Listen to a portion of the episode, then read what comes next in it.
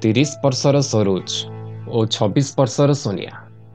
ସେମାନଙ୍କର ଛୋଟିଆ TV production କମ୍ପାନୀଟେ ରୋଡ଼ରେ ପ୍ରାଙ୍କ ଫନି ଭିଡିଓସ୍ କରି ଟିଭି ଚ୍ୟାନେଲକୁ ବିକନ୍ତି। ସୋନିଆ କେବେ ସୁନ୍ଦରୀ ଯୁବତୀ ହୋଇ ଅଜଣା ଲୋକଙ୍କ ସହ ଫ୍ଲଟ୍ କରି ତ କେତେବେଳେ ଅସହାୟ ମହିଳା ଗେଟଅପ୍ରେ ସାହାଯ୍ୟ ମାଗେ। ପଛରେ ସରୋଜ ନିଜ କ୍ୟାମେରାରେ ସୁଟିଂ କରେ। ପଛରେ ସେମାନେ ଅଜଣା ଲୋକଙ୍କୁ ସତ ଜଣେଇ କ୍ଷମା ମାଗି ନିଅନ୍ତି।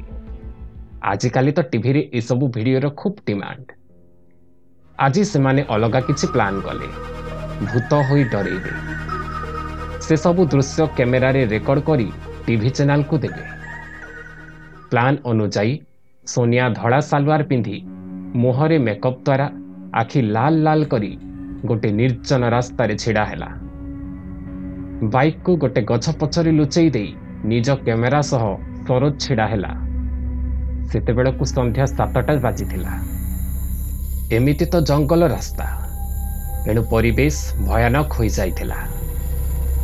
ଗୋଟିଏ ବାଇକ୍ରେ ଆସୁଥିବା ଯୁବକକୁ ସୋନିଆ ଏମିତି ଡରେଇଲା ଯେ ସେ ବାଇକ୍ ଛାଡ଼ି ଦୌଡ଼ିବାକୁ ଲାଗିଲା। ଦୁଇ ତିନିଟା ଭିଡ଼ିଓ ଭଲରେ ସୁଟିଂ ହେଲା।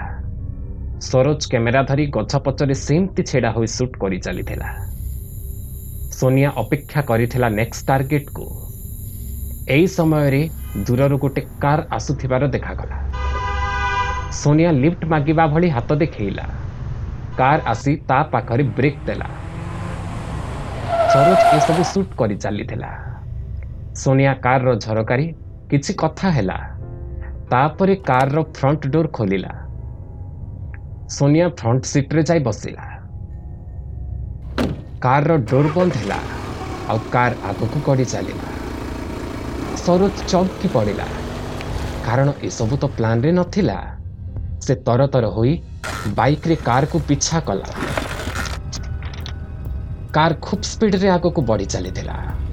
ସରୋଜ ଯଥାସମ୍ଭବ ଚେଷ୍ଟା କରୁଥିଲା ତାକୁ ଫଲୋ କରିବା ପାଇଁ। କେତେ କିଲୋମିଟର ଏମିତି ଗଲା ପରେ କାର୍ଟି ଅଟକି ଗଲା। ସରୋଜ ବି କିଛି ସମୟ ପରେ କାର୍ ପାଖରେ ପହଞ୍ଚିଲା। ବାଇକ୍କୁ ଛାଡ଼ି ଦେଇ କାର୍ ପାଖକୁ ଦୌଡ଼ିଲା।